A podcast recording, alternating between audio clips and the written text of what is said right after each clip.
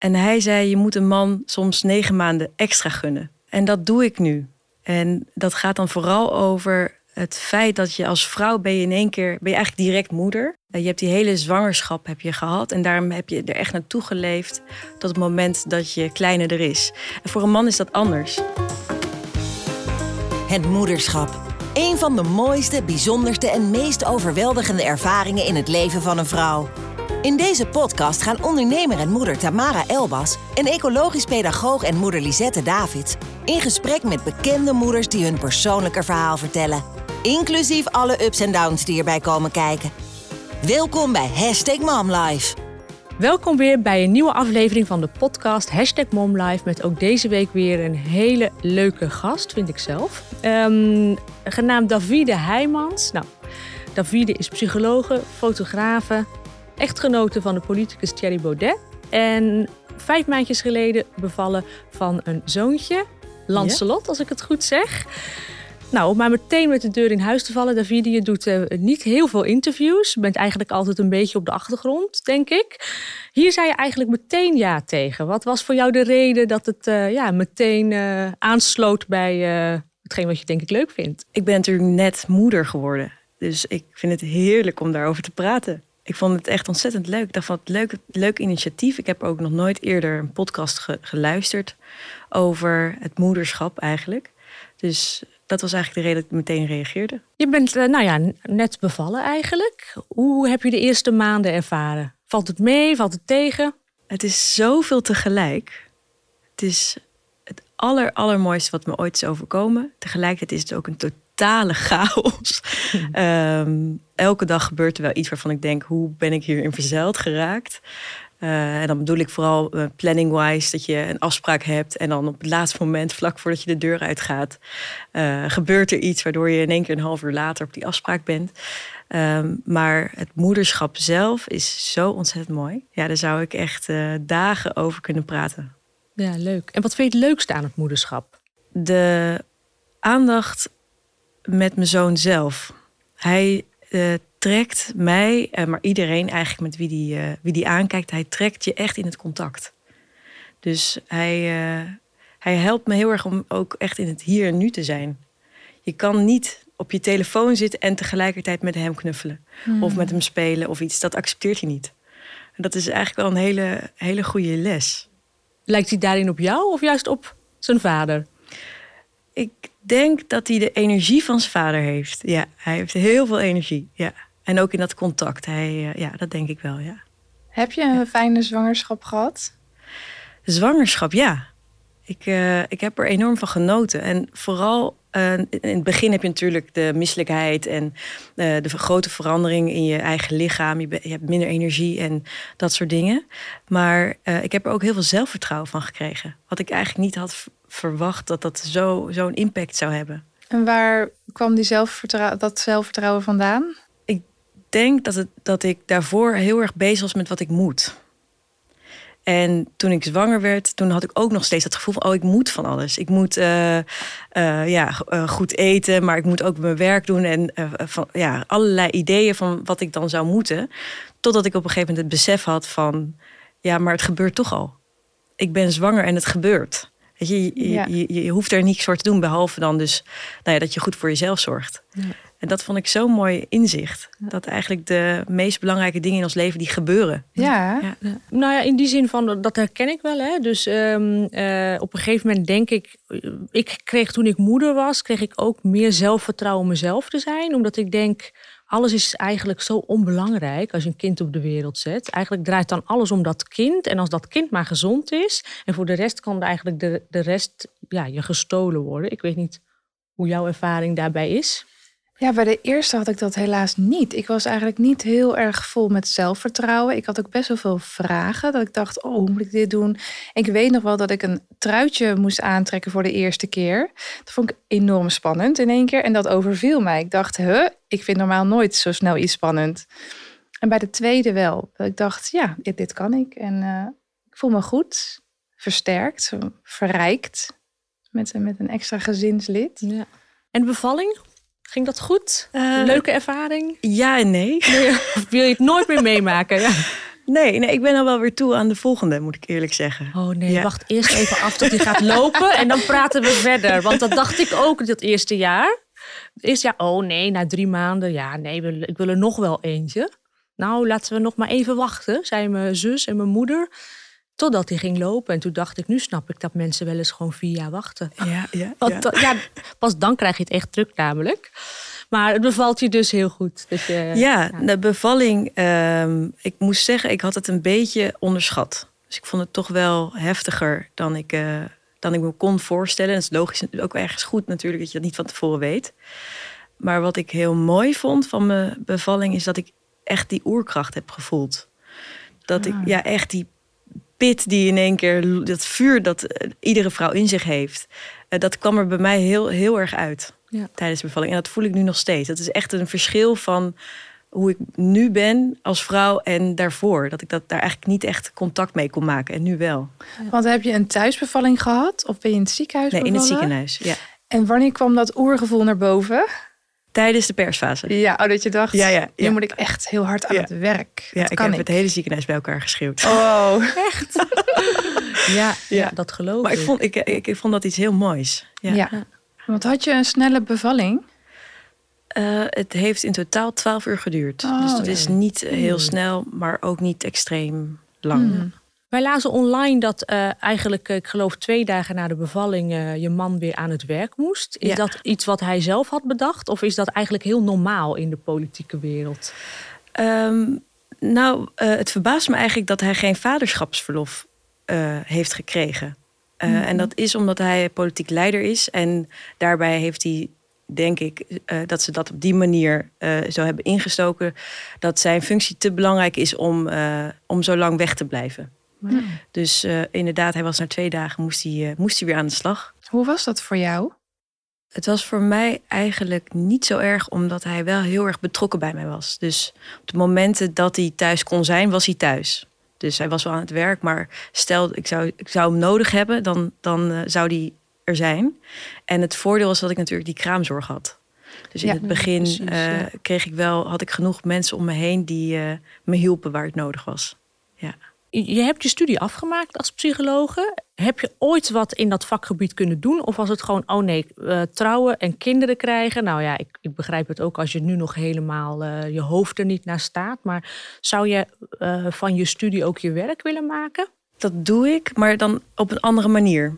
Eh, tijdens mijn studie psychologie ben ik gaan fotograferen. En die fotografie is voor mij eigenlijk de manier waarin ik heel veel contact heb met mensen. En waarin psychologie natuurlijk nog steeds een hele belangrijke rol speelt. Ja. Dus eh, de studie aan zich, daar doe ik nu niks mee. Eh, ik heb echt gekozen voor fotografie. En dat was ook in de coronatijd. Dus het was ook spannend van oké, hoe, hoe gaat dat lopen? En in 2021 heb ik voor het eerst een expositie gedaan. Dat is eh, Falling Angels geweest. En dat was eigenlijk zo'n succes dat ik daarin door ben gegaan. Zo werk ik nog steeds. eh, heb ik mijn eigen werk, dat is eh, kunstfotografie. En daarnaast heb ik ook allerlei commerciële klussen, portretten, evenementen, zwangerschapsshoots. En vandaag heb je iets heel bijzonders meegenomen ook. Een van die portretten. Ja, klopt. Ik dacht het is misschien leuk om even te laten zien aan mensen eh, wat ik zoal doe. Ja. En daarin heb ik een foto meegenomen die ik. Ik hoop dat ik nog goed te verstaan ben. Ehm, heb ik een foto meegenomen van prinses Beatrix. En deze heb ik eh, twee weken geleden gemaakt. Mooi. Wauw. Weet ze dit ook? Eh, dat weet ik niet. Ik, heb, ik dacht het is misschien wel leuk om hem op te sturen naar haar. Ja. ja Wat ik zo bijzonder vind van deze foto's is dat ik haar zelf nog nooit zo heb zien lachen van opzij. Mooi. Het is een heel veelzeggende foto. Ja, ja. Ik ben ook gelijk nieuwsgierig waar ze naar kijkt. Was dit op een evenement waar jullie bijvoorbeeld voor uitgenodigd waren?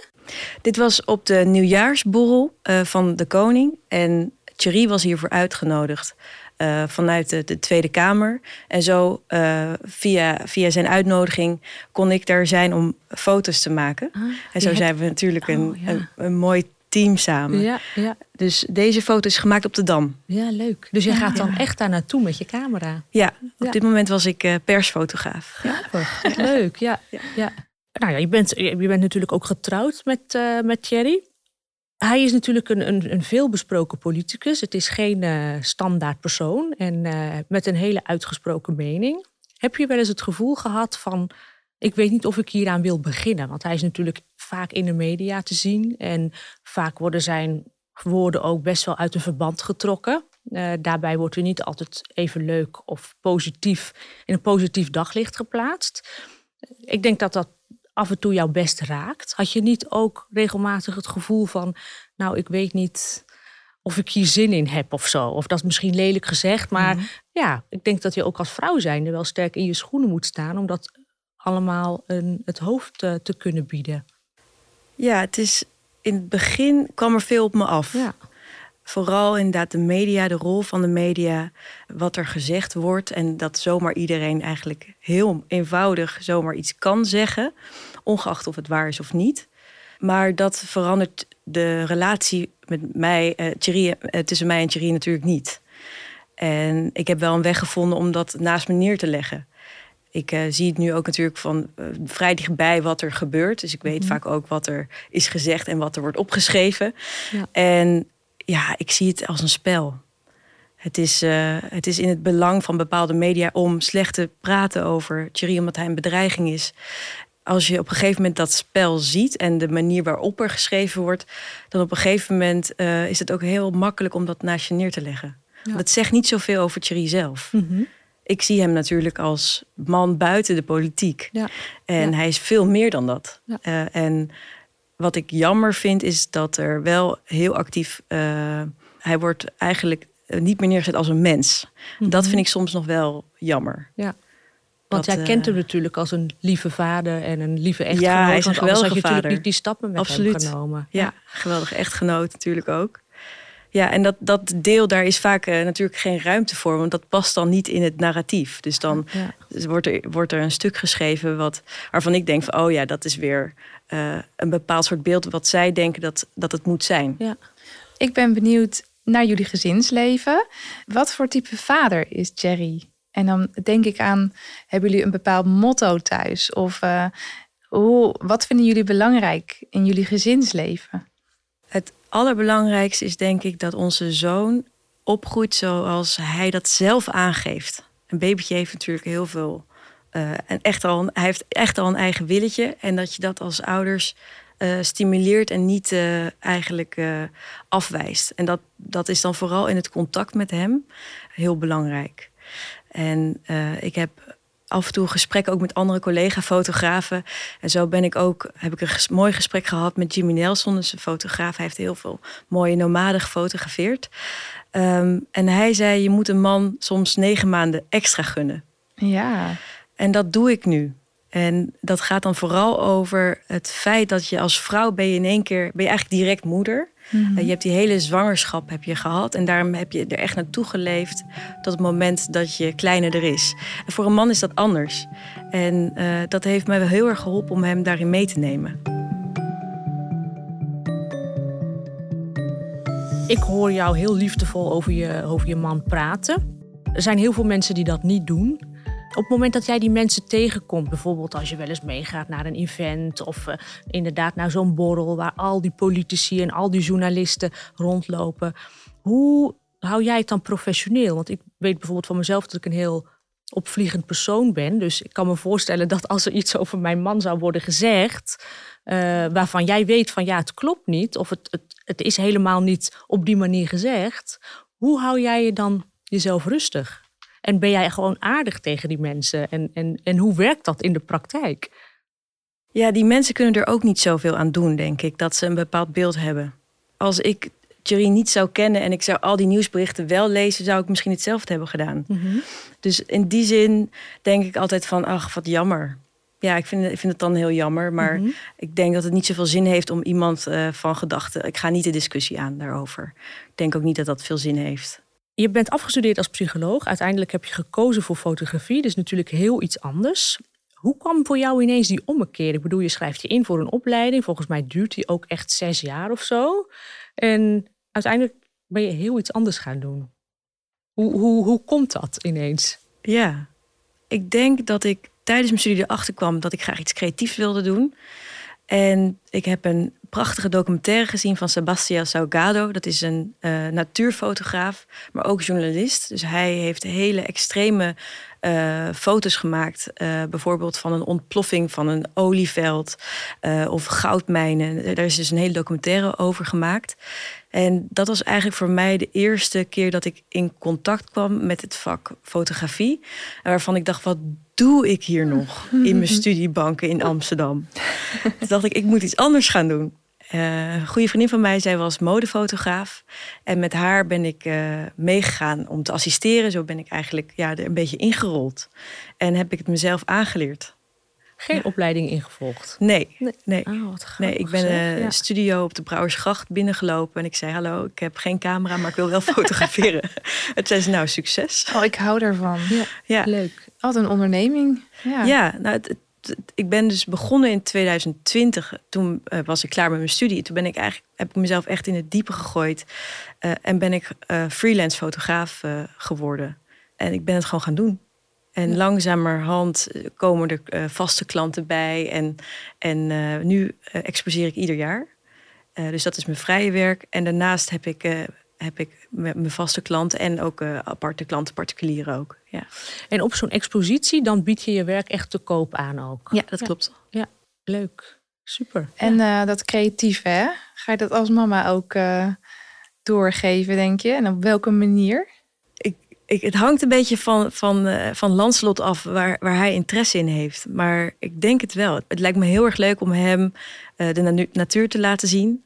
Uh, lekker te gaan zeilen of op, op pad te gaan. Ja, uh, maar ook met klei te werken en vies te worden. Ik denk dat dat ja. voor een kind heel belangrijk is.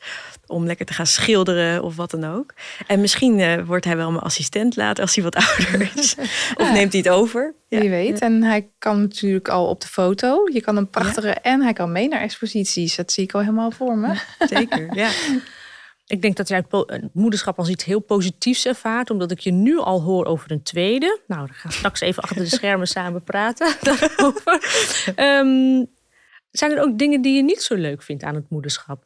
Ik denk de chaos die erbij Ja. komt. Ja. En eh, dat je het soms nog steeds de gedachte hebt van ja, hoe doen andere moeders dit? Ja. Eh, dat er bijvoorbeeld nog de was gedaan moet worden. En, en je wil eh, er zelf goed uitzien. Maar je moet ook je kind verschonen. En dan eh, kan je het nog een keer doen. Want dan is het weer voor een tweede keer. Dus eh, eh, vooral het tijdmanagement. Dat is voor mij nog wel soms een uitdaging. Ik denk, hoe verloopt het nou op een ontspannen manier? Wat zowel goed is voor de kleine, voor mij en voor mijn omgeving. Ja. Nou, het is heel herkenbaar hoor. Want ik kan me nog herinneren dat ik net was bevallen. En dan was het half zes avonds. En dan was ik nog steeds niet gedoucht. Dus, en ik dacht op een gegeven moment, hoe kunnen moeders om negen uur s morgens al buiten zijn met hun kind? Ja. Het is nu half zes 's avonds en ik ben nog niet eens gedoucht. dus alle moeders hebben daar last van.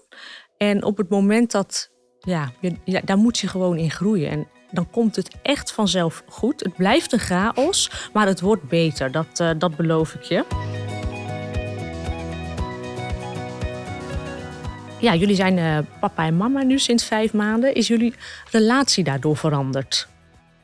Ja, ik denk dat dat voor iedereen zo is. Dat als je ouder wordt, dan dat verandert een heleboel. Uh, vooral ook in verantwoordelijkheid. Ik ben natuurlijk de eerste hechtingspersoon van onze zoontje, omdat ik borstvoeding geef. Waardoor ik eigenlijk al mijn aandacht gaat naar uh, ons zoontje. Ja. En daardoor minder naar Thierry. Ja. Uh, en dat is altijd, ja, en denk ik een balans die je weer opnieuw moet Ja. leren vinden. Dus dat verandert wel, maar ook wel weer in de, in de goede zin. Ja. Vindt hij dat moeilijk? Dat, dat hij ineens niet meer al die attentie van jou ja, kan krijgen eigenlijk? Nou, het is dat we er veel over praten. Dus het is niet tot een punt gekomen dat we denken van het gaat niet goed. Uh, maar het is wel een uitdaging. Ja. Uh, om weer echt uh, contact weer met elkaar te maken. Want ook als we s'avonds samen eten, dan is die kleine er altijd. Ja. En die vraagt altijd aandacht. Ja.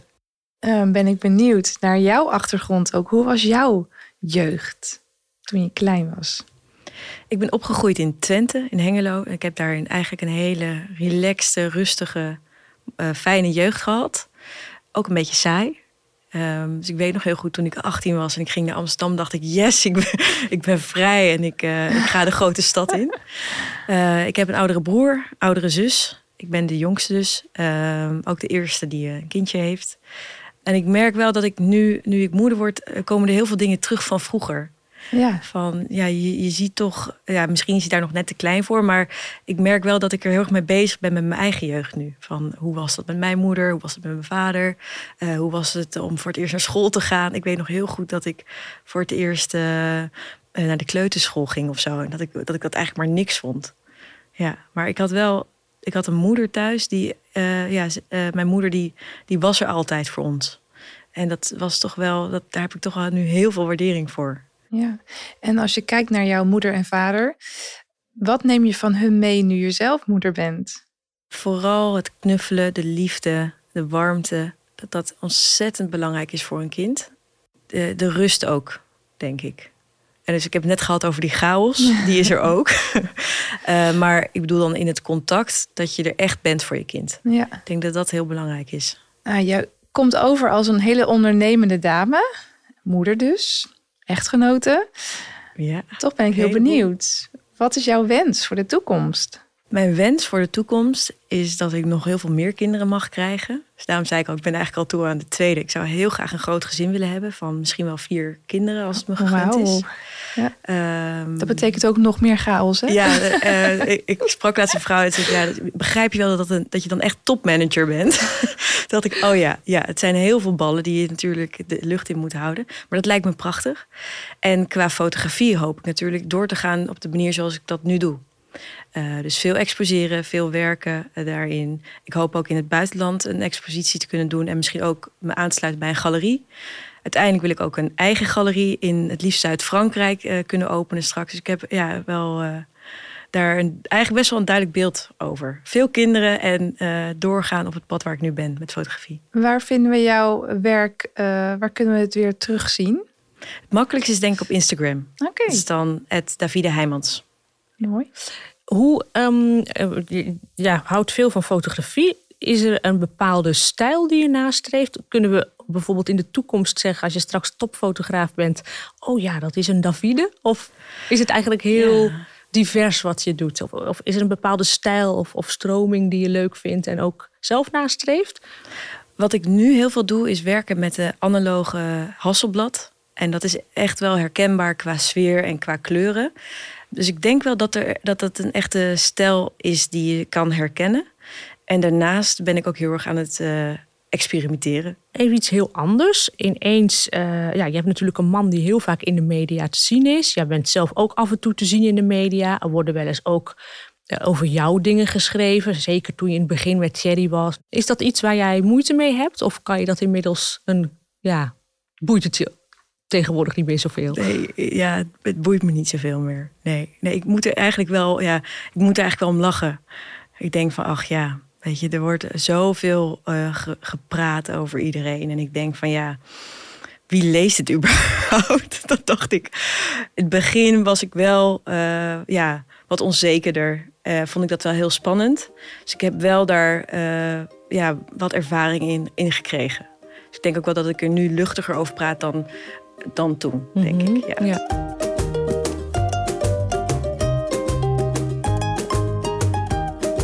Ja, wat we eigenlijk altijd aan alle moeders vragen is... Um, wat voor belangrijke tip zou jij willen meegeven aan mama's of aan nieuwe mama's?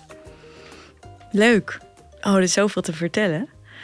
Ik denk dat de, de belangrijkste tip is dat je goed kijkt. Dat je gewoon echt naar je kind kijkt. Want een babytje heeft zoveel te vertellen. En als je maar de tijd neemt om, om te kijken van wat er is, dan, kom, dan, dan zie je zoveel. Dan zie je of hij behoefte heeft aan aandacht, of juist niet, of wegkijkt. Of, ja, dat, dat is echt voor mij iets heel nieuw. Dat had ik helemaal niet verwacht in het begin. Dat er mm -hmm. zoveel te leren is eigenlijk van een baby. Ja. Is dat ook iets wat jij geleerd hebt tijdens je studie? Nee, helaas nee. heb ik vrij weinig geleerd van mijn studie. Oh. Dat is heel jammer, ja. Nee, nu, ik vond het nu totaal, komt het, je hebt misschien nog iets aan je opleiding gehad, maar nee. Nee, ik vind nee. Uh, psychologie heel interessant, ja. maar de studie psychologie uh, was niet voor mij helaas. Ja, nee. jammer. En als uh, drukke vader en moeder, en vooral eigenlijk naar jou kijkende als moeder, wat is naast fotografie nog meer een uitlaatklep voor je? Ik ben nu net weer sinds deze maand weer echt begonnen met uh, pilates en tennissen. ja Dat, vind is- ik ook goed om te horen. Want in deze maatschappij zijn we nog wel eens geneigd om... ik moet er binnen twee, drie weken weer mooi uitzien. Oh nee, dat moet ik ga weer sporten gelijk. los- en als ik jou zo hoor, dan denk ik... ja, het is gewoon een gezonde instelling. Eh, vijf maanden is jouw eh, zoontje nu rustig aandoen. En Ja. je lijf echt de tijd even gunnen. Zeker, ja. Ja. En het komt vanzelf wel weer. Hmm. Ik was in het begin wel, ik eh, had eigenlijk zo rond de zes weken dat ik dacht oké, dit is het moment dat ik weer mag sporten, dan moet het ook. En daar ben ik op teruggekomen. Ik dacht van nou, dat hoeft helemaal niet. En het, je voelt vanzelf wel weer de behoefte om te gaan sporten. Ja. En ook qua planning. eh, de, na de eerste drie maanden was het echt van ja, hoe ga ik in godsnaam weg van huis? ja, precies. Eh, en nu weet ik dat wel te, te managen. Ja. Is het veel makkelijker geworden. En is het eigenlijk van ja, ik ga vanavond even lekker sporten. En ik bel even eh, een oppas of mijn moeder of iemand die even wil oppassen een uurtje. Of, of de kleine gaat mee. Die gaat heel vaak ook mee, ook naar fotoshoots. Oh ja, precies. Ja. Ja. En dan zijn we ook wel nieuwsgierig. In hoeverre heeft Thierry eh, zijn politieke carrière invloed op jullie gezinsleven? Of op de opvoeding? Ik denk niet zoveel. Hij is thuis natuurlijk gewoon mijn man.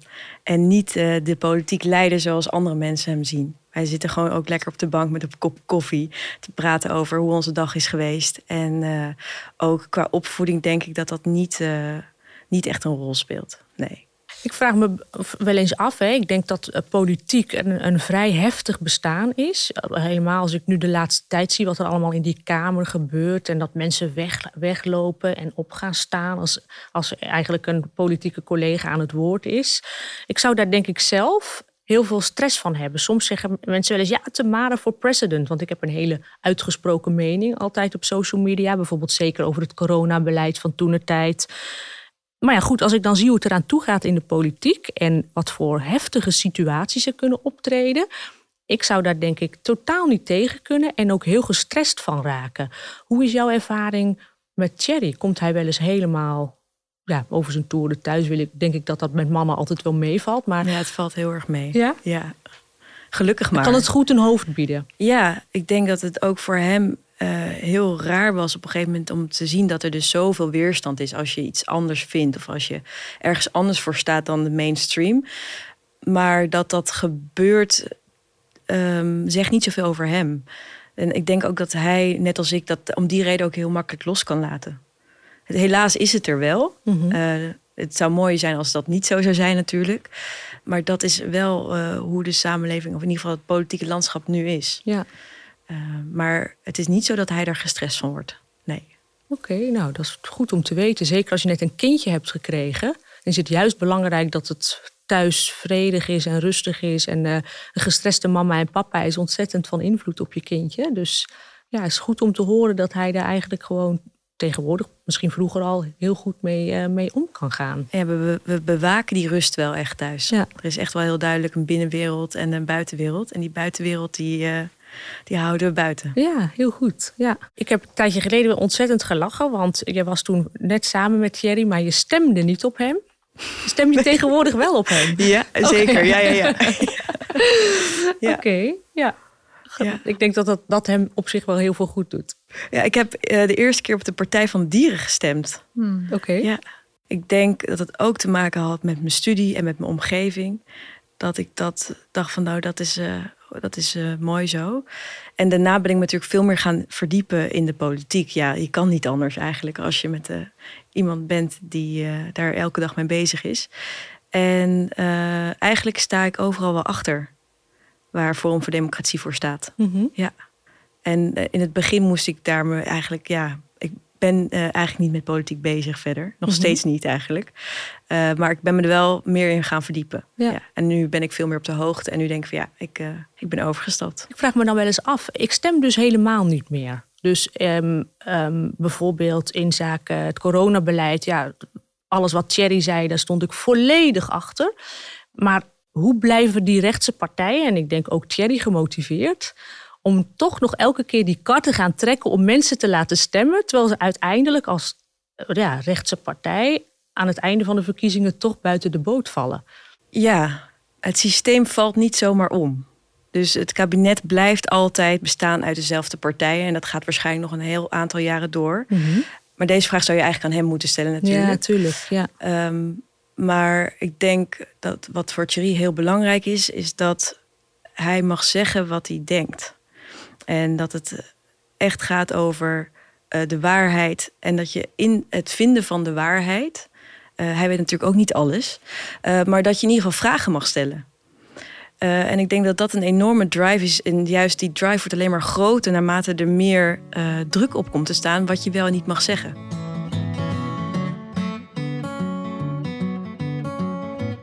Nou ja, wij hebben natuurlijk allemaal vragen aan jou mogen stellen. En ik was benieuwd, heb jij ook nog een vraag voor ons? Ja, jullie zijn natuurlijk ietsjes verder al in het moederschap. Uh, ik ben nog echt een verse moeder, maar jullie, zijn, uh, jullie hebben een zoontje van 2,5 en jouw jongste is 5, geloof ik. Hebben jullie zowel bij jullie zoontje als in jullie relatie als voor jezelf een tip aan mij? Wat mijn belangrijkste tip is, is luister naar je intuïtie. Want ik kwam toen mijn kindje net was geboren bij consultatiebureaus en bij een huisarts. En nou, bij het consultatiebureau werd me verteld, nou, 30 vaccinaties en uh, elke dag aardappelen. En uh, van s morgens vroeg tot s avonds laat volstoppen met koemelk. Maar ja, vanuit mijn achtergrond, als, als ja, ortomoleculaire achtergrond, had ik zoiets van Nee, hier ga ik niet naar luisteren. En ja, leuk dat je dat adviseert, maar dat gaat gewoon niet goed zijn voor de mensen aan zich, maar gewoon al helemaal niet voor een kindje. En dat was heel lastig, want ja, maar ja, wie ben jij dan? Je moet wel luisteren naar het consultatiebureau, je moet wel luisteren naar de huisarts, paracetamol in bij elke verhoging. En dat doe ik dus gewoon niet. Dus alles wat er wordt verteld door ja, de mensen die het ergens in de jaren tachtig zo hebben bepaald, en die daar nooit van zijn afgeweken, daar luisterde ik dus niet naar. Ik luister naar mijn eigen gevoel. En ik merk dat dat voor mijn kind het beste uitpakt. Want als moeder zijnde weet jij het gewoon het beste. Niet de instanties die daar uh, door de staat uh, zijn opgericht. En ik denk dat dat belangrijk is uh, om als moeder altijd in oogschouw te nemen. En jij, jij bent nou, als je even hebt. nee, de oudste is 12 en mijn bonuskindje die is 8 en de jongste is 5. En um, wat ik eigenlijk elke dag probeer te doen is observeren. Want elke dag is voor mij ook anders als moeder zijnde. En alle drie hebben ze ook weer wat anders van me nodig. En ik observeer wat hoor ik, wat voel ik en wat zie ik. Letterlijk. En um, nou ja, daar, daar speel ik graag op in. En dat is even in het kort. En de tweede tip is echt ondernemen. Want je kan speelgoed kopen, je kan de televisie aanzetten, maar de mooiste herinneringen halen kinderen uit avontuur, op pad gaan, ontdekken. Dus dat heb ik echt geleerd. Musea, vakanties, goud waard. En als derde tip, de laatste dan voor nu, is echt ook vergeet jezelf niet. Want jij bent ook nog steeds jezelf, naast moeder, naast echtgenoot. En onderzoek wat je daarin nodig hebt, om dat nog steeds weer te voelen. Even weer terug naar die kern. Mooi. Dank jullie wel. Jij ook bedankt, Davide, voor je komst. We vonden het echt superleuk en we zijn onwijs vereerd dat uh, je eigenlijk je eerste lange interview bij ons in de podcast hebt willen doen. Bedankt voor de uitnodiging. Bedankt. Bedankt voor het luisteren naar de podcast Hashtag MomLife.